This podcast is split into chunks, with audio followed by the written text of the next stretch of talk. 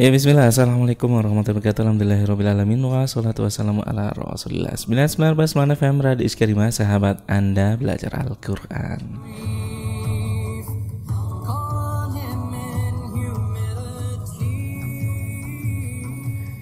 Ya saudara mudah-mudahan Anda berada Alhamdulillah di kesempatan sore kali ini ya Kita bisa berjumpa kembali ya Di sore yang agak mendung ini ya Di hari tasik yang ketiga ya Untuk yang eh, menjalankan sholat id di hari Sabtu. Dan hari kedua ya Untuk yang menjalankan sholat id di hari Ahad kemarin ya. Alhamdulillah di tanggal 12 Juli di tahun 2022 Masehi ini ya dan uh, tentunya ya uh, kami senantiasa mendoakan ya semoga sahabat Quran semua dalam kondisi yang sehat ya dan tidak kekurangan apa pun tentunya ya dan uh, semoga dalam lindungan dan bimbingan Allah Subhanahu Amin amin ya robbal alamin. Ya di hari-hari uh, terakhir mungkin ya di hari tasyrik ya atau juga di pertengahan bulan Dzulhijjah ya. masih di bulan Dzulhijjah tentunya masih banyak uh, fadilah ya yang bisa kita dapatkan tentunya di bulan Dzulhijjah ini ya Masya Allah ya dan uh, tentunya Uh, bila kita mengamalkan sesuatu ya di bulan Dzulhijjah akan berlipat-lipat ganda tentunya amalan yang uh, pahala yang bisa kita dapatkan ya. Salah satunya adalah dengan menuntut ilmu ya, tolabul ilmu tentunya ya. Dan alhamdulillah di kesempatan kali ini kita segera akan uh, melanjutkan ya tolabul ilmu kita ya atau belajar kita tentang uh, kitab uh, Matan Abu Suja ya yang telah kita bahas di pekan-pekan sebelumnya dan akan kita lanjutkan di kesempatan sore kali ini tentunya ya. Dan uh, tentunya dalam memesan kitab ini saya tidak akan sendiri ya. Telah hadir narasumber kita yaitu Ustadz Wahyu di Prasto LC dan kita sapa beliau terlebih dahulu mungkin ya. Uh, Assalamualaikum Ustaz. Waalaikumsalam warahmatullahi wabarakatuh. Kefalakum. Alhamdulillah rabbil alamin. Alhamdulillah. Nah, ya, alhamdulillah saat gimana ini uh, sudah selesaikah untuk sembelih sembelihannya saat audianya diselesaikan. diselesaikan kalau yang lebaran hari Sabtu kan terakhir ini. Nah. Ya, akan diselesaikan sekalian. Nah, masya Allah. uh, Oke. Okay. Dan tentunya ya luar biasa sekali di kesempatan kali ini ya meskipun berbeda ya saat ya harinya ya. ada yang di hari Sabtu di hari Ahad tentunya semua masih tetap uh, menjalankan ibadah yang sama yaitu sholat id kemudian dilanjutkan dengan utiyahnya ya Masya Allah. Dan untuk semua yang mungkin berkurban ya di tahun ini atau juga yang sudah membacakan doa di hari Arafah kemarin ya semoga doanya dikabulkan dan semua amal-amalnya diterima tentunya ya baik udiyah sholat id dan semua amal yang kita uh, laksanakan di hari-hari uh, awal bulan Dzulhijjah kemarin. Amin amin ya robbal alamin dan saat uh, di kesempatan kali ini tentunya kita masih melanjutkan Sat ya. Kemarin ya. sampai bab uh, waktu sholat atau sudah ya, selesai waktu-waktu sholat. Hmm. Ya, kemarin nah. uh, telah kita bahas. Insya Allah pada kesempatan kali ini kita akan membahas tentang syarat wajib sholat. Insya Allah. Syarat wajib sholat. Ya. Nah, Masya Allah. Ya dan tentunya saudara ya seperti yang sudah kita sampaikan tadi di kesempatan sore kali ini kita kita akan masih melanjutkan ya uh, pembahasan kitab uh, Matan Abu Suja dan sudah disampaikan oleh uh, Ustaz Wahid ya temanya apa tadi monggo bisa dibuka kitabnya mungkin yang punya atau yang mungkin belum punya ya bisa disiapkan alat tulisnya untuk mencatat ilmu-ilmu yang akan disampaikan uh, oleh Ustadz Wahyu nanti tentunya ya. Dan sebelumnya kita sampaikan juga uh, untuk orang semua yang ingin bergabung di kesempatan sore kali ini, monggo tafadhal bisa menghubungi 0271 698 0010 atau bisa juga di 081229888614. Ya dan uh, monggo Ustaz mungkin kita bisa mulai Ustaz untuk ya. materi kita kesempatan kali ini. Ya, uh, Bismillahirrahmanirrahim. Alhamdulillah Rabbil Alamin Thumma salatu wassalamu ala ashrafil anbiya wal mursalin Wa ala alihi wa sahbihi wa man sara ala nahji ila amma ba'd Alhamdulillah Rabbil Alamin Bersyukur kita panjatkan kepada Allah Subhanahu Wa Taala Atas segala limpahan rahmat dan karunia-Nya yang dengan setiap apa yang diberikan kepada kita kita bisa menjalankan eh, kewajiban-kewajiban yang dibebankan kepada kita. Kemudian kita juga bisa menjalankan sunnah-sunnah dari ibadah-ibadah yang disyariatkan. Mm-hmm. kemudian juga aktivitas-aktivitas mubah yang uh, diperintahkan oleh Allah Subhanahu wa taala pada uh, hari-hari yang kita lalui sebagaimana mungkin pada kesempatan hari-hari ini sebagaimana hmm. disebutkan oleh Rasulullah SAW yang uh, tentunya ini kan masuk masuk hari-hari tasyrik ya hari-hari tasyrik tanggal 11, 12, kemudian 13 Dzulhijjah yang di dalamnya Allah Subhanahu wa taala mensyariatkan bagi kita ataupun bahkan mengharamkan bagi kita Hmm. untuk menjalankan yang namanya puasa. Kenapa? Karena memang eh, ini jamuan yang Allah berikan bagi kaum muslimin semuanya eh, hari yang seorang itu diperintahkan untuk makan dan minum Nah, sebagaimana disebutkan dalam hadis Rasulullah SAW uh, ayam tasyrik, ayam aklin, wa syurbin, wa dzikrullah. Jadi eh, hari-hari untuk kita gunakan makan, kemudian minum, eh, tentunya tanpa israf ya, tanpa berlebih-lebihan. Ini menjadi sebuah kenikmatan dan menjadi sebuah fadilah yang Allah Subhanahu wa taala berikan kepada kita semuanya.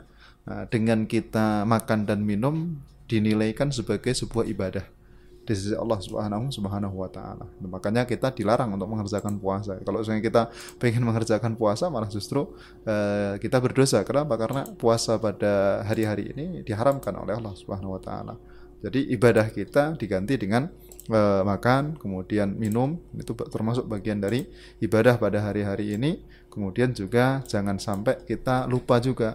Makanya kenapa kalau Rasulullah menyebutkan hari-hari tasyrik itu hari makan, minum, kemudian ada zikir kepada Allah Subhanahu wa taala. Jadi kita diperintahkan untuk bertakbir dari sejak eh, tanggal 9 Dzulhijjah ya, dari sejak fajar itu ada takbir muqayyad eh, tanggal 9 Dzulhijjah kemudian sampai 13 Dzulhijjah eh, pada pada sholat asar. Itu kan eh, terakhir untuk eh, takbirnya. Maka kalau seumpamanya yang lebarannya hari Sabtu berarti Ah, takbir mutai- tadi. muqayyadnya tadi selesai. Nah, selesai sudah. Eh, selesai tadi asar untuk yang lebarannya hari Ahad berarti selesainya masih masih besok waktu asar.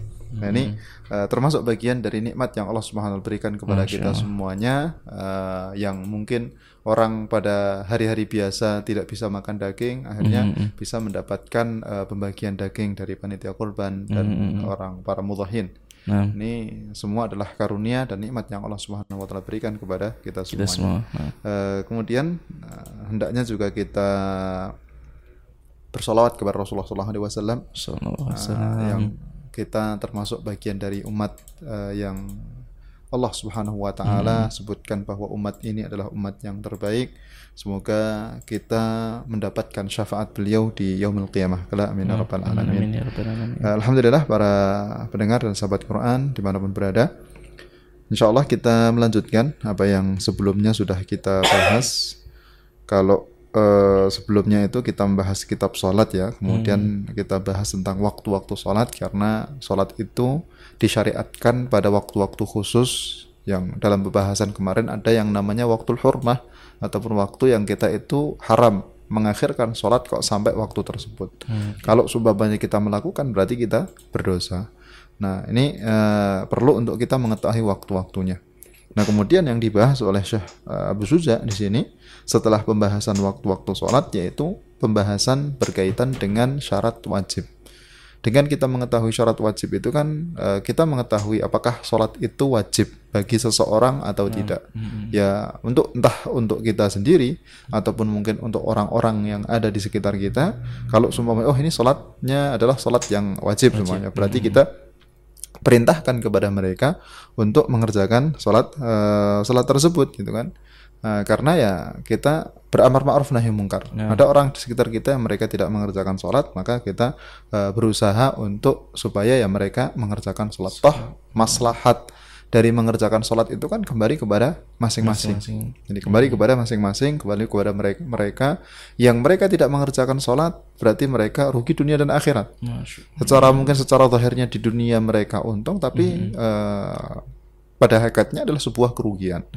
Uh, kan sebagian ada berpikir ya kalau sumpamanya saya ini kan waktu-waktu yang saya gunakan untuk sholat itu kalau saya gunakan untuk kerja itu kan sudah bisa menghasilkan berapa Nah, Oke. Nah, ini eh, pada hakikatnya sebuah kerugian, bukan bukan suatu keuntungan, tapi pada hakikatnya adalah sebuah sebuah kerugian. Karena yang namanya keuntungan itu dilihatnya tidak hanya apa yang nampak di mata, Hmm. bukan hanya apa yang nampak di di mata. mata. Orang yang dia terus bekerja sampai kemudian melalaikan sholat, meninggalkan sholat, apakah dia mendapatkan ketenangan? Tidak. Jadi eh, tidak mendapatkan ketenangan. Ya. Ketenangan didapati adalah ketenangan semu yang eh, pasti dalam kondisi sibuk kerja kemudian mungkin sampai pada taraf stres kadang ya karena numpuknya pekerjaan. Ini uh, yang akhirnya malah justru menjadi sebuah beban pikiran. Hmm. Uh, tapi kalau semuanya orang-orang Muslim ketika mereka bekerja kemudian uh, di waktu duhur ya mereka menjalankan ibadah sholat duhur, ini kan uh, dengan sholat tersebut ada sebuah rehat, ada waktu yang bisa digunakan untuk mengembalikan semangat bekerja. Nah, karena dalam bekerja pun mereka juga e, menjadikan niatan bekerja itu tidak hanya sekedar melakukan ataupun e, mendapatkan penghasilan saja ataupun mendapatkan uang. Tapi juga selain dari itu adalah e, mereka dengan bekerja itu tujuannya, niatannya adalah mereka mendapatkan ridha Allah Subhanahu wa taala. Maka ketika mereka menjalankan sholat di tengah-tengah mereka kerja ini akan semakin e, bertambah kecintaan mereka kepada Allah Subhanahu wa taala ketika mereka diberikan pekerjaan yang uh, nyaman, kemudian ketika mereka diberikan rizki bertambah syukurnya kepada Allah Subhanahu wa taala. Hmm. Nah, ini makna-makna yang tidak bisa didapati oleh orang-orang yang mereka tidak mengerjakan mengerjakan sholat. Nah, maka berbahagialah bagi yang mereka bekerja kemudian bisa mengerjakan sholat di waktu hmm. sela-sela uh, kerjanya. Itu adalah sebuah nikmat yang sangat besar yang kalau sumpamanya kita betul-betul bisa menghayati dan hmm. mensyukuri uh, nikmat tersebut, insya Allah Allah Subhanahu Wa Taala akan memberikan pahala yang berlipat-lipat. Ini uh, berkaitan dengan uh, sholat yang Allah Subhanahu Wa Taala wajibkan kepada kepada kita semuanya. Nah, berkaitan dengan syarat-syarat wajib sholat ini. Uh, beliau Syekh Habib Suja ini menyebutkan hmm. ada tiga ya. Ada tiga syarat yang beliau sebutkan dalam kitab beliau ini dalam matanya. Uh, sedangkan untuk totalnya aslinya syarat wajib sholat itu enam. Hmm. Jadi tiga kemudian ditambah ditambah tiga. Uh, yang pertama adalah uh, syarat wajib yang beliau sebutkan adalah pertama adalah Islam. Ini uh, harus orang yang dia itu muslim. Nah. Kalau seumpamanya dia itu bukan orang muslim, maka tidak wajib bagi dia untuk mengerjakan sholat. sholat. Tapi kewajiban di sini adalah kewajiban secara zahir. Nah. Walaupun secara hukum akhirat tetap orang yang dia tidak beragama Islam hmm. wajib bagi dia untuk mengerjakan sholat. Dulu pernah kita bahas nah. juga dalam uh, matan Safinah bahwa orang-orang kafir itu pada hakikatnya mereka diperintah dan diminta untuk mengerjakan setiap ibadah-ibadah yang disyariatkan dalam syariat. Hmm. Karena uh, disebutkan oleh Imam Syafi'i rahimahullah taala beliau menyebutkan uh, mengambil istimbat dari firman Allah Subhanahu wa taala ketika Allah mengatakan kepada orang-orang uh, kafir ya, masalah kekum fi saqar. Apa sih yang menjadikan kalian itu masuk ke dalam neraka neraka saqar? Kemudian mereka menjawab qalu lam nakum minal musallin. Jadi mereka menjawab bahwa mereka itu belum uh, dulu ketika di dunia itu tidak melakukan sholat. Oh berarti dari sini yang namanya setiap syariat yang diwajibkan kepada kaum muslimin wajib juga dikerjakan oleh orang-orang orang-orang kafir. Jadi tetap diminta untuk mengerjakan, tapi ya tidak sah kecuali kalau seumpamanya mereka uh, beragama Islam. Maknanya ya kita perintahkan untuk mereka masuk ke dalam agama Islam terlebih dahulu, baru kemudian setelahnya silahkan mengerjakan ibadah-ibadah yang diwajibkan tersebut. Ini yang uh, syaratnya, syarat yang pertama. Nah, maka ketika seseorang dia tidak beragama Islam, maka secara hukum duniawi dia tidak diminta untuk mengerjakan sholat. Tapi secara hukum akhirat, dia tetap diminta untuk mengerjakan sholat yang dia tinggalkan tersebut. Nah, kemudian bagaimana kalau seumpamanya dia itu uh, masuk Islam? Kan, kan ini aslinya diperintahkan. Ketika antar dia itu masuk Islam, apakah dia diperintahkan untuk mengkodok setiap sholat yang dulu dia, tinggalkan ketika dia belum masuk Islam, di sini tidak. Tidak ada kewajiban untuk mengkodoknya. Kenapa? Karena ini suatu keringanan. Supaya orang-orang yang mereka tidak e, beragama Islam tertarik untuk masuk ke dalam agama Islam. Karena kalau sumpamanya diminta untuk e, untuk mengkodok ataupun mengerjakan setiap sholat yang ditinggalkan ketika dulu masih e, belum beragama Islam, maka akan memberatkan Akhirnya Mekah malah yang aslinya pengennya masuk Islam, oh tapi karena melihat beratnya yang ada dalam agama Islam, akhirnya mereka tidak mau uh, tidak mau masuk Islam. Nah ini kan uh, tidak kita inginkan. Makanya uh, para ulama pun sepakat bahwa orang-orang yang dia itu uh, masuk Islam ya. tidak ada kewajiban bagi dia untuk mengerjakan sholat, sholat yang dulu ditinggalkan ketika dia masih dalam kondisi belum beriman. Hmm. Jadi ya sudah itu dihapuskan oleh Allah Subhanahu Wa Taala kemudian bahkan diganti dengan kebaikan Jadi tidak hanya dihapuskan dosa-dosanya, tapi juga diganti dengan kebaikan. Tuh, Disebutkan dalam sebuah riwayat dari Rasulullah SAW bahwa orang yang dia eh, dulu berbuat baik sebelum masuk Islamnya, ini kan dia tetap akan dianggap perbuatan baik tersebut itu ya perbuatan baik, dituliskan kebaikan, tidak hilang. Nah, Kan? Jadi tidak tidak hilang. Tidak hilang. Kemudian keburukan-keburukan yang dilakukan Allah Subhanahu wa taala gantikan dengan yang namanya kebaikan. baik. Ini keutamaan dan eh, kemurahan Allah yang diberikan kepada orang-orang yang mereka mau masuk ke dalam agama ke dalam agama Islam. Maka ketika dia masuk ke dalam agama Islam, seluruh kebaikan yang dulu pernah dilakukan tetap menjadi sebuah sebuah kebaikan. Eh, kemudian kejelekan-kejelekannya pun dirubah oleh Allah Subhanahu wa taala menjadi sebuah kebaikan. Ini kan eh, ya supaya orang-orang mau untuk masuk ke dalam agama agama Allah Subhanahu wa taala. Nah, ini eh, bagi orang yang dia masuk Islam jadi tidak ada kewajiban untuk mengkodok sholat eh, yang dulu itu diwajibkan aslinya. Cuman karena dia masuk Islam ya sudah dimaafkan, diringankan. Eh, kemudian eh, yang eh, orang yang dia tidak dalam eh, tidak beragama Islam, yang lainnya itu kan ada yang namanya orang kafir tapi dia bukan orang kafir asli. Mhm. Orang kafir itu kan dibagi menjadi dua. Ada yang dia itu orang kafir asli, Oke. Maknanya dari dulu dia orang kafir gitu kan. Eh, tidak pernah dia beragama Islam. Yang kedua adalah orang yang dia murtad. Orang murtad ini kan dia orang eh, orang kafir yang dulunya dia beragama Islam. Mhm. Dulu pernah eh, meyakini kebenaran Islam, habis itu kemudian dia berpindah kepada keyakinan yang lain. Nah, bagaimana? Secara hukum dibedakan antara orang yang dia kafir asli kemudian dengan orang-orang yang murtad. Orang yang dia itu kafir asli tadi tidak ada kewajiban untuk mengkodok ketika dia masuk ke dalam agama Islam. Sedangkan orang yang dia murtad ketika dia kembali ke dalam agama Islam ada kewajiban untuk mengkodok apa yang sudah dia tinggalkan. Tinggalkan. Jadi kalau seumpamanya dia murtad selama dua tahun seumpamanya, maka ya berkewajiban bagi dia untuk mengkodok sholat selama dua tahun tersebut. Ya tujuannya adalah sebagai eh, istilahnya di, diberatkan. Karena eh, orang yang dia sudah masuk ag- agama Islam, eh, dalam agama Islam tidak boleh dia kok keluar memilih agama yang saya tak kabar berpindah kepada agama-agama yang tidak bisa. Karena ketika dia sudah masuk dalam agama Islam ya berarti dia harus tunduk patuh kepada eh, peraturan-peraturan dan syariat-syariat yang disyariatkan oleh Allah dalam agama dalam agama Islam. ini. Makanya ketika seumpamanya ada orang dulu dia seorang muslim, kemudian dia eh, berpindah ke keyakinan yang lainnya, setelahnya kembali ke, ke dalam agama Islam lagi, ini alhamdulillah bisa kembali ke dalam agama Islam lagi. Hmm. Eh, makanya nah ini saya pengen kembali ke dalam agama Islam tapi ntar saya harus mengkotok ini memberatkan. Akhirnya dia eh, malah mungkin tidak tidak mau. Nah, tidak. tidak seperti itu. Jadi eh, ketika seumumnya seseorang dia sudah mau ke dalam, masuk dalam agama Islam kembali lagi dalam agama Islam ini adalah sebuah nikmat yang sangat besar. Mhm. Allah tunjukkan kepada dia supaya dia kembali ke dalam jalan eh, jalan agama fitrah. Nah, kalau seumpamanya dia tetap gara-gara mungkin eh, berat, oh saya berat untuk mengkodok sholat tersebut. Ketika seumpamanya saya eh, masuk ke dalam agama Islam, nah, kita bisa bisa bandingkan berat mana eh, mengkodok kita mungkin menyediakan waktu ataupun menyisihkan dari waktu-waktu yang diberikan kepada kita di dunia daripada ntar ketika sudah saya tak nggak kembali ke dalam agama Islam saja. Yang secara hukuman ada orang yang dia murtad dari agama Islam kemudian tidak kembali lagi dalam agama Islam ya dia akan kekal di neraka karena kan orang yang dia eh, tidak beriman kepada Allah Subhanahu wa taala dan beriman kepada rasulnya Rasulullah eh, Muhammad sallallahu alaihi wasallam ya otomatis dia akan menjadi orang eh, menjadi penghuni neraka yang dia kekal berada berada di sana.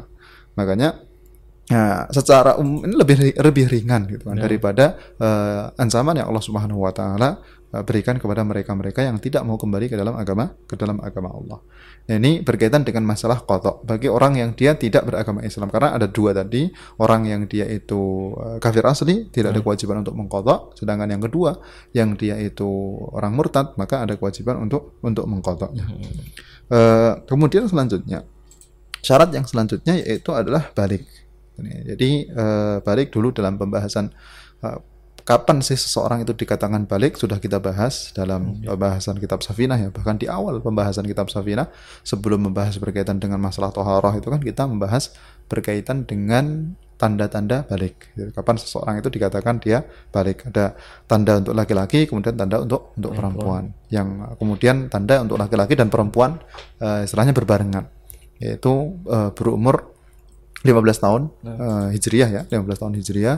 Kemudian uh, yang kedua adalah ihtilam ataupun keluarnya air mani. Entah itu disebabkan karena mimpi ataupun yang lainnya.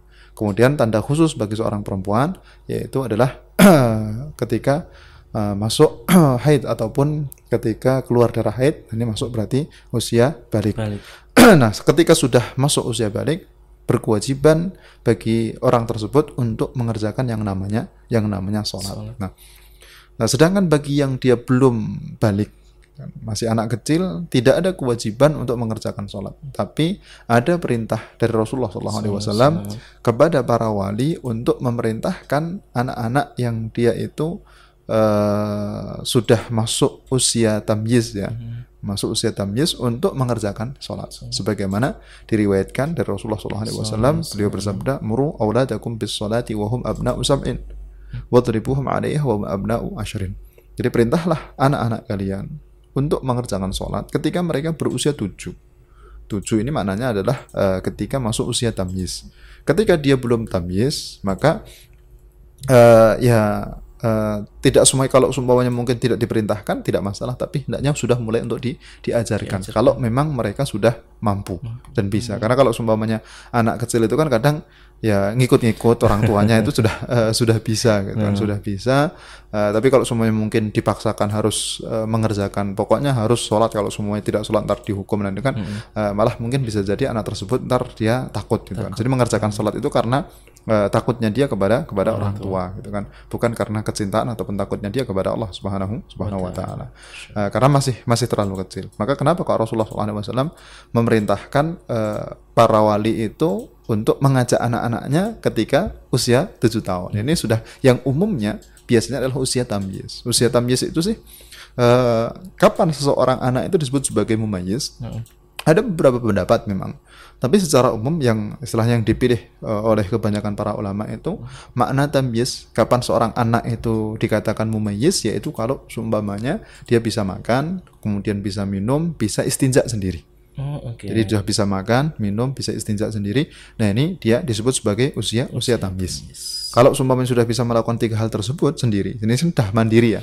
Anak sudah berkaitan dengan makan, minum, kemudian kaitan dengan urusan kamar mandi itu dia sudah bisa mandiri. Maka di sini berarti anak ini dia sudah mumayyiz. Karena untuk mak- eh, berkaitan dengan tamyiz ini kan berkaitan dengan banyak hal.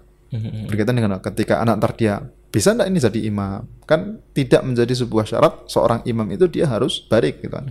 Boleh seorang yang dia belum balik eh, untuk menjadi menjadi imam. Tapi kan dia harus eh, anak yang dia mumayyiz. Karena kalau seumpamanya dia belum mumayyiz ini kan masih belum dianggap. Tidak eh, istilahnya perbuatan yang dia kerjakan ini seakan-akan ya tidak ada niatan dari diri dia gitu. makanya eh, disyaratkan tadi masuk usia usia tamyiz setelah anak itu yang umumnya itu biasanya umur tujuh tahun ketika sudah masuk umur tujuh tahun maka bagi para wali hendaknya untuk memerintahkan kepada anak-anak mereka mengerjakan sholat. Jadi mengerjakan sholat ini perintah. Eh, setelah ini belum belum ada hukuman tersendiri gitu kan. Cuman diperintahkan untuk mengerjakan sholat. Ketika kita memerintahkan anak untuk mengerjakan sholat, kemudian kok anaknya eh, belum mau mengerjakan sholat, ya ya sudah, gitu kan. Tidak tidak masalah gitu kan. Kita sambil berjalan sambil memahamkan, kita tumbuhkan kecintaan dia kepada sholat, kemudian tumbuhkan kecintaan dia kepada Allah Subhanahu Wa Taala dan seterusnya. Ntar sampai menginjak usia 10 tahun. Ketika sudah masuk usia 10 tahun dan dia belum balik gitu kan usia 10 tahun dan dia belum balik kok dia tidak mau mengerjakan sholat maka bagi wali boleh untuk memukul kan bagi wali boleh untuk untuk memukul tapi memukul di sini pun memukulnya adalah memukul yang eh, jangan sampai melukai gitu kan memukulnya ya dia memukul yang dia tidak sampai melukai karena ini kan eh, hak Allah Subhanahu wa taala gitu kan. Ya memukulnya memukul memukul eh, biasa biasa saja. Ini berkaitan dengan umur ya. Kalau seumpamanya anak dia belum balik, kapan dia mulai diperintahkan untuk mengerjakan sholat, kemudian kapan bisa dipukul gitu kan. Tapi dipukulnya pun juga dipukul dengan eh, ringan. Tujuannya kan adalah untuk takdib ataupun untuk supaya anak ini dia eh, mengetahui bahwa kalau seumpamanya dia eh, sudah paham ini kan sudah usia 10 tahun sudah mendekati balik ya umumnya. Biasanya kadang anak di usia 11 tahun ataupun mungkin bahkan di usia 10 tahun itu kan kadang sudah ihtilam ataupun sudah mimpi basah. Makanya kan dalam umur segitu biasanya sudah sudah balik seumpamanya. Nah, maka ketika dia kok belum balik pada usia tersebut karena sudah mendekati balik harus lebih ditekankan lagi. Hmm. Maka kenapa kok ada perintah untuk uh, memukul ataupun dibolehkan bagi seorang wali untuk memukul anaknya ketika dia uh, sudah berusia 10 kemudian mereka tidak mau mengerjakan mengerjakan sholat. Jadi supaya ntar ketika sudah masuk usia balik itu sholat, sholat sholat ini sudah tertib. Maknanya dia tidak meninggalkan sholat. Kenapa? Karena memang uh, dari sejak umur tujuh tahun itu sudah diminta, kemudian sudah hmm. didekatkan untuk dia mengerjakan sholat selama tiga tahun kan. Kemudian usia 10 tahun, nah ada sedikit ancamannya supaya ntar uh, anak tersebut itu ya dia betul-betul bertanggung jawab karena kita pahamkan bahwa yang namanya sholat ini kan tanggung jawab uh, dia sebagai seorang manusia. Uh, ketika dia kita ajarkan untuk dia bertanggung jawab uh, karena dia adalah seorang manusia, seorang hamba uh, yang ada kewajiban yang harus dia tunaikan kepada Allah Subhanahu Wa Taala. Nah dari situ kita ajarkan juga kalau seumpamanya seorang yang dia itu memiliki sebuah tanggung jawab tertentu, kemudian kok tidak melaksanakan tanggung jawab tersebut, ya dia berhak untuk mendapatkan mendapatkan hukuman. Dari situ kan uh, dia tumbuh yang eh, ketika sudah masuk usia balik semua otomatis akan dia tanggung sendiri. Pertanggungjawabannya antara dia dengan Allah Subhanahu Subhanahu wa taala gitu kan. Jadi dia lebih siap untuk uh, mengerjakan setiap amalan-amalan yang diwajibkan kepada dia itu dengan sepenuh dengan sepenuh hati. Nah, baru kemudian ketika sudah masuk usia balik, sholat ini dia menjadi wajib, gitu kan? Sholat ini dia menjadi wajib. Nah, sedangkan sebelumnya dia tidak tidak wajib. Ini syarat yang kedua yang disebutkan oleh beliau. Kemudian yang ketiga, syarat yang ketiga, ini syarat terakhir yang beliau sebutkan, yaitu akal. Nah, hendaknya dia adalah orang yang orang yang berakal. Sedangkan orang yang dia tidak berakal, walaupun orang gila, itu dia tidak wajib mengerjakan sholat. Termasuk juga orang yang tidak berakal adalah orang yang dia pingsan. Maka di sini juga tidak wajib untuk mengerjakan mengerjakan sholat. Yang kemudian eh, termasuk juga yang tidak wajib mengerjakan sholat adalah kalau semuanya orang yang dia mabuk dengan syarat bahwa mabuk ini eh, mabuk dan pingsannya ataupun gilanya ini tidak disebabkan karena keteledoran dia. Jadi memang bukan karena kelalaian dan keteledoran uh, orang tersebut. Maka baru ini dimaafkan. Tapi kalau seumpamanya karena uh, keteledoran orang tersebut ya maka di sini dia tidak tidak dimaafkan. Maknanya tetap uh, ada kewajiban bagi dia untuk mengkodok apa yang dia tinggalkan ataupun sholat yang dia tinggalkan hmm. ketika dia setelahnya uh, mabuk gara-gara ya karena dia minum khamr sengaja minum khamr kemudian dia mabuk. Sampai akhirnya dia tidak mengerjakan sholat. Maka ya berkewajiban untuk mengerjakan sholat yang dia tinggalkan ketika dia mabuk secara sengaja. Tapi kalau seumpamanya dia tidak sengaja seumpamanya kemudian dia tiba-tiba mabuk selama mungkin satu hari penuh dia tidak mengerjakan sholat nah ini e, secara kewajiban tidak ada kewajiban bagi dia untuk mengerjakan sholat yang dia yang dia tinggalkan ini berkaitan dengan masalah uh, akal ya. Kemudian beliau menyebutkan Syahabu Suja wa huwa taklif dan uh, ini untuk tiga Islam kemudian uh, balik kemudian dia berakal ini adalah yang disebut sebagai batasan ataupun patokan taklif seorang itu dikatakan sebagai orang mukallaf ketika terpenuhi tiga tiga ini hmm. walaupun secara khusus adalah yang namanya orang mukallaf itu adalah orang yang dia balik kemudian berakal karena untuk orang e, pertama, syarat pertama ataupun syarat Islam ini kan ini e, khusus untuk kaum muslimin. Nah, dan di awal tadi sudah kita sebutkan juga bahwa orang-orang kafir itu pada hakikatnya mereka juga ada kewajiban.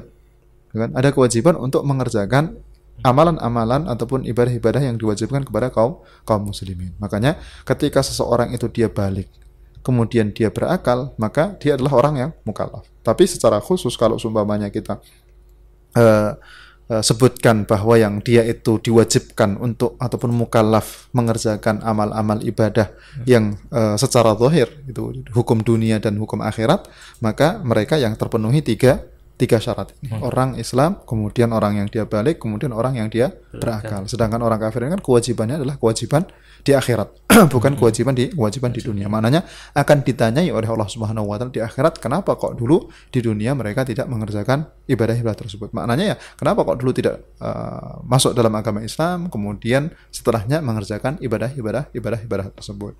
Nah ini tiga. Uh, kemudian karena totalnya itu ada enam ya uh, ada enam maka sebagian uh, menyebutkan uh, tambahan yang lainnya yaitu adalah termasuk uh, syarat wajib sholat adalah tidak dalam kondisi haid dan nifas Ini tambahan yang pertama ya. Uh, tidak masuk uh, tidak dalam kondisi haid dan nifas. Makanya kalau sumpamanya ada seorang perempuan yang dia haid dan nifas, maka ya tidak ada kewajiban untuk mengkodok. Hmm. Karena memang pada uh, dari awal tidak diwajibkan bagi mereka untuk mengerjakan mengerjakan so. sholat. Kan? Berbeda dengan puasa. Sedangkan puasa ada kewajiban untuk mengerjakan kodok setelah seorang itu dia selesai uh, selesai dari haid dan nifasnya. Sedangkan yang dia tidak mengerjakan sholat karena ada uzur haid dan nifas, maka di sini tidak ada kewajiban untuk uh, mengkodok sholat. Ketika semuanya di uh, kodok ya sudah tidak ada tidak ada sawabnya ataupun ya ya sudah uh, ketika di kodok uh, maknanya sekedar ya hanya sebuah uh, gerakan sholat tapi tidak memiliki pahala tidak memiliki pahala dan karena emang aslinya tidak ada kewajiban untuk untuk mengkodok. Sedangkan untuk pelaksanaannya, untuk melaksanaan sholat ketika dalam kondisi haid dan nifas, menurut Ibnu Hajar haram hukumnya. Kan? Dulu pernah kita bahas juga seorang yang dia dalam kondisi haid dan nifas uh, tidak boleh mengerjakan yang namanya sholat. Jadi hukum sholat uh, bagi mereka berdua ini kan hukumnya hukumnya haram. Karena pertama tidak diwajibkan bahkan dilarang. Jadi ini syarat uh, wajib yang keempat gitu kan, yaitu hendaknya seorang tersebut dia tidak dalam kondisi uh, haid dan nifas. Kemudian selanjutnya adalah hendaknya orang tersebut adalah sudah sampai dakwah kepada dia. Hmm. Jadi orang yang sudah uh, sudah sampai dakwah itu kepada kepada dia. Kalau seumpamanya ada orang yang dia hidup di suatu tempat tertentu, terus tempat tersebut terpencil, tidak sampai dakwah Islam itu ke tempat tersebut, ya maka di sini dia tidak wajib tidak wajib untuk mengerjakan mengerjakan sholat toh e, kenapa karena memang dia belum sampai dakwah kepada kepada dia kan?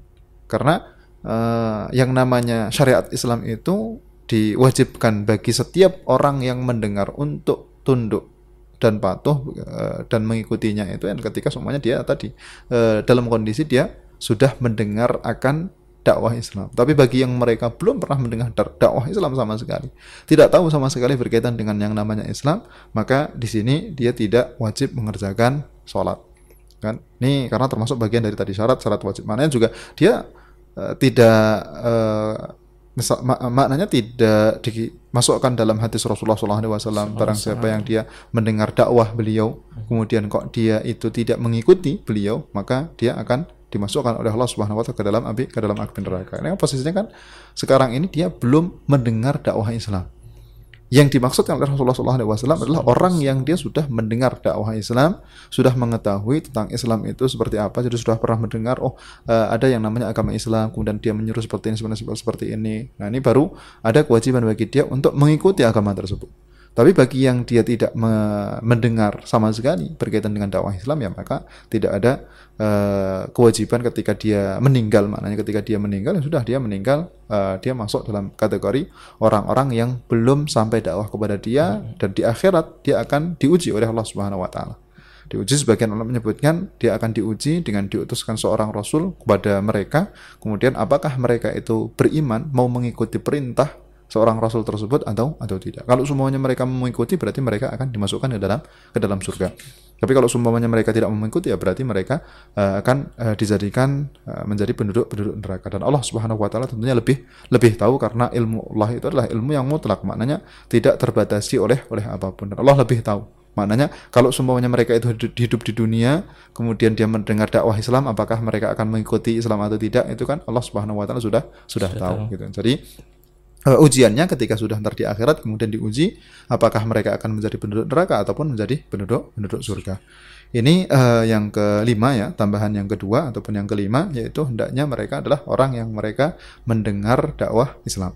Kemudian yang terakhir ataupun yang keenam yaitu uh, mereka yang uh, pendengaran kemudian penglihatannya itu normal. Jadi orang yang dia tidak uh, tidak buta kemudian tidak tuli. Mana tidak buta tidak tuli ini kalau semua ada orang dia buta dan tuli. Orang yang dia buta uh, dan dia tuli, walaupun dia bisa berbicara, hmm. tapi dia buta dan dan tuli, maka di sini uh, dia tidak wajib untuk mengerjakan sholat. Ya, jadi orang yang dia buta dan dan, dan dia tuli, otomatis dia uh, tidak wajib mengerjakan sholat. Umumnya biasanya ketika semua orang yang dia itu buta kemudian dia tuli ya tidak bisa berbicara gitu kan karena kalau semua orang dia tuli, dia masih bisa melihat, gitu kan. Dia berbicara dengan gerakan. ataupun orang yang dia buta tapi dia masih bisa mendengar akhirnya bisa eh, dengan meraba semuanya meraba dikasih tahu oh benda ini namanya ini benda ini namanya ini akhirnya dia juga bisa bisa eh, mengutarakan dengan dengan eh, ucapan Nah, sedangkan orang yang dia buta tidak bisa melihat, kemudian tidak bisa mendengar juga, otomatis kan dia di- tidak bisa belajar apa-apa dan tidak bisa mengetahui apa-apa.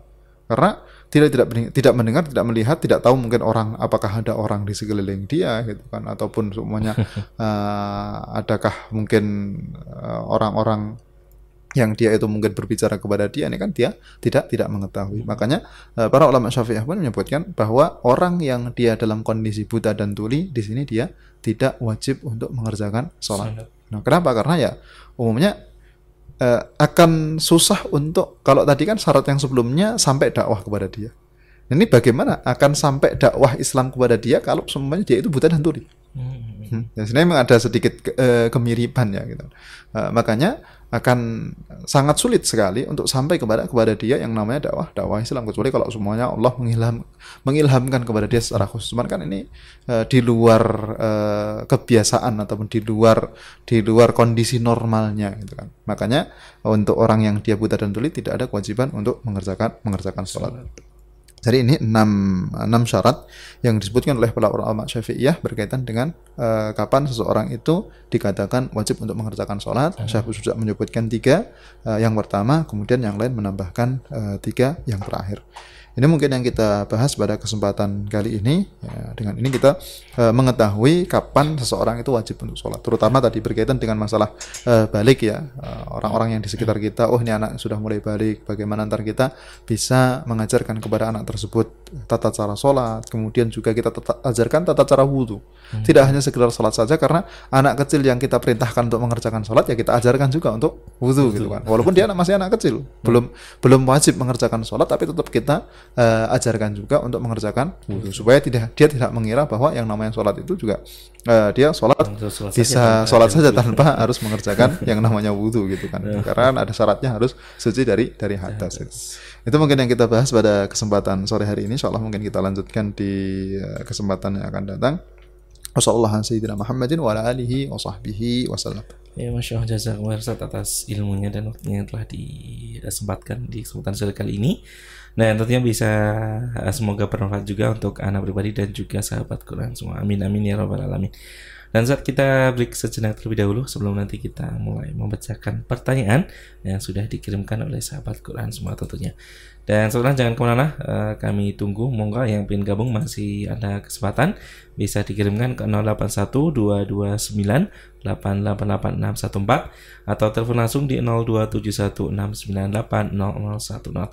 Kita break sejenak terlebih dahulu, jangan ke mana-mana, tetap satu bersama kami di 99.9 FM Radio Iskarima Sahabat Anda Belajar Al-Quran. Ya, sekarang kembali lagi di program Kajian Fikih Radio Iskarima di kesempatan sore kali ini masih bersama dengan saya Nur Said dan juga narasumber kita yaitu Ustaz eh, Wahyu Dwi Prasetyo LC dan kita langsung saja eh, ke pertanyaan sih. Oke. Eh, yang pertama ini dari, dari Bapak Ibrahim di Karanganyar. Assalamualaikum Ustaz. Waalaikumsalam warahmatullahi wabarakatuh. Eh, apa Ustaz? Izin bertanya Ustaz. Oke. Eh, kapan kita diperbolehkan Ustaz untuk sholat sambil duduk? Karena eh, mungkin eh, kita setelah melakukan perjalanan jauh mungkin Ustaz, Ustaz kemudian merasa kelelahan untuk berdiri Ustaz. Apakah diperbolehkan untuk duduk Ustaz? Bismillahirrahmanirrahim. Eh, berkaitan dengan sholat sambil duduk ya. Eh, ini ter- dilihat dulu apakah sholat tersebut adalah sholat fardu ataukah sholat sunnah. gitu. Kalau seumpamanya sholat tersebut adalah sholat fardu, kapan kita boleh duduk? Dalam kondisi kita tidak mampu berdiri. Jadi dalam kondisi kita tidak mampu berdiri. Tapi kalau semuanya kita capek dan masih mampu untuk berdiri, tetap wajib bagi kita untuk berdiri. Toh kita kalau seumpamanya kita tidak mampu untuk mengerjakan sholat yang lama dalam berdirinya, ya sudah kita meringankan saja. Kita baca yang rukunnya saja kan. Rukunnya ketika pas kita berdiri kan baca al-fatihah. gitu. Kita baca al-fatihah, kemudian insya Allah baca al-fatihah tidak sampai eh, tidak sampai satu menit gitu kan. Eh, itu masih memungkinkan bagi kita untuk melakukan sholat dengan dengan berdiri. Jadi kita mengerjakan sholat sambil berdiri, karena untuk sholat eh, berdirinya, da- berdiri dalam sholat fardu itu dia termasuk bagian dari rukun gitu kan. Ya. Eh, makanya di sini tidak boleh eh, seorang dia meninggalkan rukun tersebut kecuali dalam kondisi tidak mampu. Bagi yang masih mampu, walaupun eh, tadi mungkin dalam kondisi capek, tetap kita berkewajiban untuk mengerjakan sholat tersebut dalam kondisi berdiri. Ini kalau seumpamanya sholat fardu. Nah, sedangkan untuk sholat eh, nafilah ini bebas, kita bisa mengerjakan eh, sambil duduk. Eh, walaupun ya kita aslinya mampu berdiri, tetap ini kita boleh mengerjakan sambil sambil duduk karena eh, dia tidak termasuk bagian dari rukun untuk eh, berdiri dalam sholat nafilah. Tapi kalau untuk sholat fardu tadi ya tetap eh, secapek apa pun kita, ketika masih mampu untuk berdiri, maka kewajiban bagi kita adalah untuk mengerjakan sholat tersebut dengan berdiri. Tinggal ntar kita ringankan saja. Kalau biasanya mungkin kita membaca kan eh, biasanya kan kita membaca takbiratul ihram, habis itu kemudian kita membaca iftitah, ta'awud, kemudian al-fatihah, kemudian eh, kemudian setelahnya ada membaca surat ya. Ya sudah kita baca rukunnya saja yaitu al-fatihahnya saja. kita baca al-fatihahnya saja, habis itu kemudian langsung kita kita ruku gitu kan. Nanti insya Allah eh, sholat tersebut kan sudah sholat yang sah karena rukun-rukunnya sudah sudah terpenuhi. Jadi tetap tidak boleh eh, mengerjakan sholat dalam kondisi duduk ketika kita capek eh, untuk sholat fardu. Sedangkan untuk sholat sunnah, nah ini bebas entah capek ataupun tidak capek kita boleh mengerjakannya dalam kondisi duduk. Allah taala. Ya itu tadi jawabannya ya untuk Bapak Ibrahim ya yang sudah bertanya dari Karangnya tadi jazakumullah khair. Dan eh, pertanyaan berikutnya ini dari Mas Ahmad di Karangnya Ustaz. Assalamualaikum Ustaz. Waalaikumsalam. Selamat sore Ustaz. Izin bertanya Ustaz. Eh, kemarin saya dan teman saya masuk ke musola kampus Ustaz untuk sholat zuhur.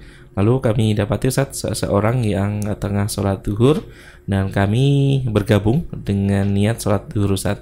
Eh, namun saat eh, beliaunya yang kami ikuti tadi tidak mengeraskan bacanya saat baik saat takbir, eh, saat salam atau saat yang lainnya saat ini bagaimana sholat kami saat apakah sah Ustaz? Eh, kita bermakmum dengan orang yang mungkin entah itu sholat duhur atau mungkin bisa jadi mungkin sholatnya sunnah gitu kan. Ya. Eh, atau mungkin kita bermakmum kepada seorang tertentu dia tidak mau menjadi imam.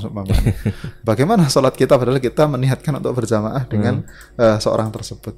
Secara hukum sholat kita sah dan sholat kita dihitung sebagai sholat berjamaah. Oke. Karena untuk syarat sholat berjamaah itu uh, adalah niat dari makmum untuk kita berjamaah dan tidak harus disyaratkan dari imam.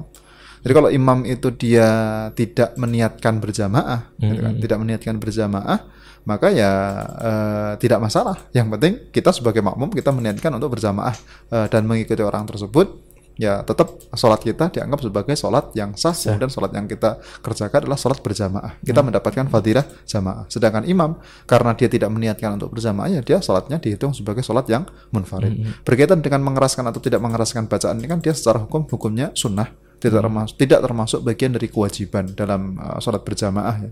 Jadi yang penting kita masih bisa mengikuti dia ya kita mengikuti uh, dan sholat kita kan insya Allah tetap dianggap sebagai sholat yang sah dan dianggap sebagai sholat berjamaah. Jadi insya Allah tidak masalah sholat yang sudah dikerjakan tersebut tetap sah dan dihitung sebagai sholat yang berjamaah. Allah taala. alam.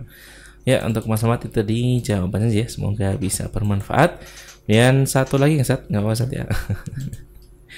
Ini dari Mbah Abdullah Ustaz, ada dari Boyolali Ustaz. Mbah Abdullah, Assalamualaikum Ustaz. Waalaikumsalam. Eh, ngapunten Ustaz, Eh, kalau kita tidak bisa baca Quran niku dosa napa mboten Ustaz? Ya.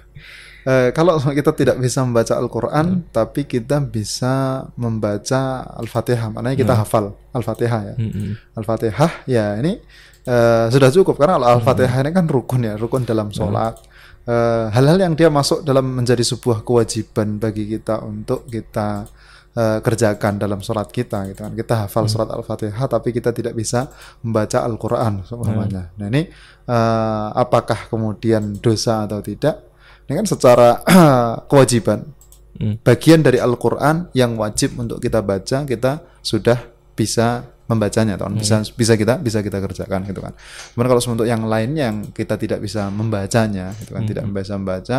Nah ini ya secara hukum apakah semuanya dosa atau tidak tid- eh, saya tidak mengetahui berkaitan dengan mungkin nas secara khusus ya ntar mungkin saya lihat eh, dari para fuqaha apakah orang yang dia tidak bisa membaca Al-Qur'an itu masuk eh, sebuah dosa atau atau tidak tapi yang secara kaidah umum itu ketika seseorang dia sudah eh, bisa melakukan hal-hal yang wajib bagi dia. Karena membaca Al-Qur'an kan bukan suatu kewajiban. Ya. Baca Al-Quran bukan termasuk kewajiban. Yang wajib adalah Al-Fatihah. Jadi membaca Al-Fatihah ketika pas kita sholat ini itu eh, kita wajib. Dan membaca Al-Fatihah di sana kan bisa kita pelajari dengan apa Menghafal, eh, mendengarkan dengan menghafal gitu kan. Oke, dengan menghafal kita hafalkan bacaan Al-Fatihah kemudian kita ucapkan dalam dalam sholat kita. Nah ini eh, jadi secara kewajiban-kewajiban yang menjadi kewajiban bagi kita sudah kita sudah kita tunaikan. Nah, sedangkan untuk membaca Al-Quran dia eh, secara hukum eh, dasar itu kan tidak wajib gitu kan. Maknanya tidak ada seorang dia wajib membaca Al-Quran mungkin dalam jangka waktu sekian sekian tapi sangat eh, akan tidak eh, baik sekali kalau seumpamanya seorang muslim kok dia tidak membaca Al-Quran gitu kan. Eh, ya maka walaupun mungkin kita itu sudah usia sudah eh, mungkin sudah tua seumpamanya eh, maka ya hendaknya kita tetap berusaha untuk mempelajari membaca Al-Quran. Karena ini bagian dari syiar agama bagian dari syiar eh, din yang tentunya bagi setiap muslim hendaknya dia bisa untuk membaca kitab suci yang eh, Allah Subhanahu wa taala turunkan kepada kepada mereka. Ini karena eh, kita kan diwajibkan untuk mengamalkan. Nah, bagaimana kita bisa mengamalkan kemudian apa-apa yang ada dalam eh, Al-Qur'an itu? Ya kalau semuanya kita tidak eh, mempelajari Al-Qur'an, nah salah satunya yaitu dengan kita apa? Dengan kita eh, membacanya tadi itu. Walaupun ya hasilnya mengamalkan ini bisa dengan cara yang lain yaitu kita belajar kepada orang tertentu eh, yang mereka mengajarkan kepada kita isi-isi dari dari Al-Qur'an gitu kan. Makanya ya tapi eh, akan sangat tidak pas sekali kalau seumpamanya seorang muslim kok dia Tidak eh, bisa tidak bisa bisa membaca Al-Qur'an. Jadi insya Allah tidak ada telat waktu untuk kita eh, belajar membaca Al-Qur'an walaupun mungkin kita kesusahan seumpamanya tapi dengan usaha yang kita lakukan ini dia akan menjadi nilai eh, plus sendiri di hadapan Allah Subhanahu wa taala. Karena berapa banyak ada seorang yang mungkin ada seorang mungkin nenek yang dia usia 80 tahun ternyata bisa hafal Al-Qur'an. Iya. Usia 80 tahun yang umumnya biasanya susah seseorang yang dia sudah usia eh, eh, sudah mungkin di atas 30 tahun, 40 tahun itu kan untuk menghafal itu kan gampang lupa. Tapi ternyata Allah Subhanahu wa taala memberikan karunia kepada sebagian dari hamba-hambanya sudah masuk usia 80 tahun tapi masih dikaruniakan diberikan kelebihan untuk bisa menjadi menghafal Al-Qur'an. Nah, dan tidak menutup kemungkinan dengan kita niatan betul-betul belajar dan kita mohon kepada Allah Subhanahu wa taala berdoa eh, setelah mungkin beberapa tahun Ntar setelahnya kita bisa membaca Al-Quran. Ketika kita bisa membaca Al-Quran, insya Allah akan men- kita mendapatkan suatu kenikmatan tersendiri yang tidak bisa dinikmati oleh orang lain. Hmm. Karena membaca Al-Quran itu adalah suatu suatu kenikmatan. Ketika kita eh, bisa terus berinteraksi dengan kalamullah, itu kan, dengan firman-firman Allah Subhanahu Subhanahu Wa Taala. gitu kan. Jadi selama eh, yang wajib-wajib itu sudah tertunaikan, insya Allah eh, ini sudah sudah menjadi kita sudah menunaikan yang wajibnya. Sedangkan untuk membaca Al-Qur'annya tadi apakah dikatakan berdosa atau tidak gitu kan ketika kita tidak, tidak bisa membaca Al-Qur'an ini ntar eh, saya lihat lagi gitu kan. Eh, apakah ada perkataan di kalangan para fuqaha secara khusus berkaitan dengan hal tersebut tapi secara kaidah dasar tadi. Itu kewajiban kita sudah kita sudah kita kerjakan sedangkan membaca Al-Qur'an hukum eh, asalnya itu dia adalah hukumnya sunnah, gitu kan. Eh, tapi ya tadi terakhir adalah eh, tidak eh, pantas kalau seumpamanya ntar ya kita sebagai seorang muslim eh, kita eh, tidak bisa membaca Al-Qur'an. Hendaknya kita terus untuk belajar walaupun mungkin usia sudah eh, sudah hitungannya mungkin orang mengatakan telat gitu. Tapi kan insya Allah tidak ada kata telat untuk kita belajar itu insya Allah tidak ada. Itu mungkin Allah taala alam ya. Ya, Masya Allah. Atas penjelasannya. Dan itu tadi ya untuk Mbah Tua semoga bisa menjawab eh, angan-angannya tadi pertanyaannya ya yang sudah diajukan Masya Allah. Dan saat mungkin itu pertanyaan terakhir yang bisa kita sampaikan di kesempatan kali ini saat sekali lagi jazakumullah Ustaz atas eh, ilmunya, waktunya semoga menjadi pemerat eh, amal timbangan antum nanti di akhir. Amin. Dan, amin dan juga eh, bisa bermanfaat tentunya bagi yang mendengarkan di kesempatan kali ini ya, baik yang bertanya atau mungkin yang sekedar menyimak dari awal sampai akhir tadi. Jazakumullah khair. Dan saat eh, kita tutup uh, saudara, kita tutup alhamdulillah dan doa kafaratul majelis. Alhamdulillahirabbil alamin. Subhanakallahumma wa bihamdika asyhadu an la ilaha illa anta astaghfiruka wa atubu. Wassalamualaikum warahmatullahi wabarakatuh.